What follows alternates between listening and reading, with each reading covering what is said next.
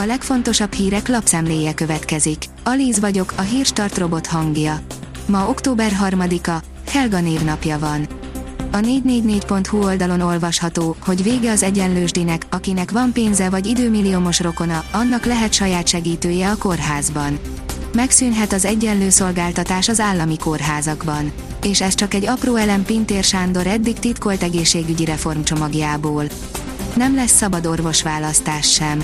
Az orvosi kamara reakciója több ponton szembe megy a kamara és Orbán megállapodásával.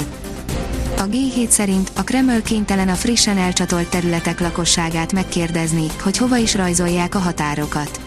Az ukrán ellentámadás miatt a Kreml sem tudja, hogy pontosan hol is érnek véget Oroszország frissen átrajzolt határai. Ha hallom a szívhangot, nem megyek műtétre. Szeptember 15-e óta a terhesség megszakítás előtt kötelező az anyának meghallgatni a magzat szívhangját. Az új szabály lényegében kisbetoldás az eddig is több körös procedúrában a döntéstől a műtétig, az érzelmi hatása viszont annál nagyobb lehet, írja a 24.hu.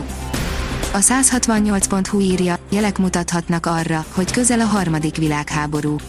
Kaiser Ferenc, a Nemzeti Közszolgálati Egyetem docense szerint bár a jelek arra mutatnak, hogy hamarosan kitör a harmadik világháború, ennek a valószínűsége még mindig nagyon alacsony. Az Infostart oldalon olvasható, hogy páncélozott autót küldtek a Fradi volt edzőjéért.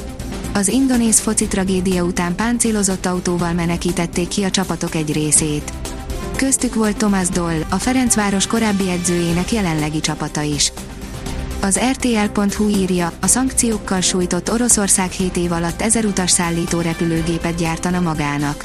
Az elemző szerint ez akkor is lehetetlen célkitűzés lenne, ha használhatnának nyugati alkatrészeket. A portfólió írja, aggódik a NATO, eltűnt az oroszok retteget szupertenger alattjárója. A NATO hírszerzési jelentése szerint eltűnt Fehér-tengeri állomás helyéről a K-329 Belgorod névre hallgató orosz atomtenger alattjáró. A rangadó írja, verbális és fizikai zaklatás a Kecskemét Fradi meccsen. Mutatjuk a hétvégi bajnoki labdarúgó forduló legnagyobb meglepetésével végződő mérkőzésének azt a pillanatát, amikor kifeszült a húr és majdnem elpattant.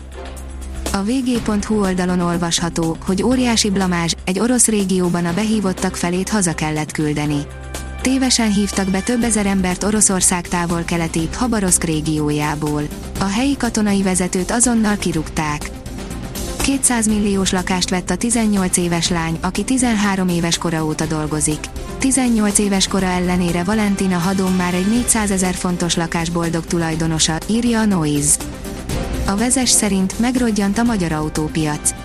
Az idei első 9 hónapban 85.769 új személyautó forgalomba helyezésével 9,3%-ot esett vissza a belföldi autópiac. A magyar nemzet szerint mi vagyunk a Real Madrid, Pérez megint riogat és fenyegetőzik. A Real vezér szerint a futball beteg, újra az Európai Szuperligával kampányol, és beszólt a PSG elnökének. A rangadó oldalon olvasható, hogy az RB Leipzig megint bombaüzletet csinált. Három éve vette, mára majdnem megötszörözte francia játékosa értékét, akit brit sajtóinformációk szerint el is adott. A kiderül oldalon olvasható, hogy anticiklon hoz nyugalmasabb napokat.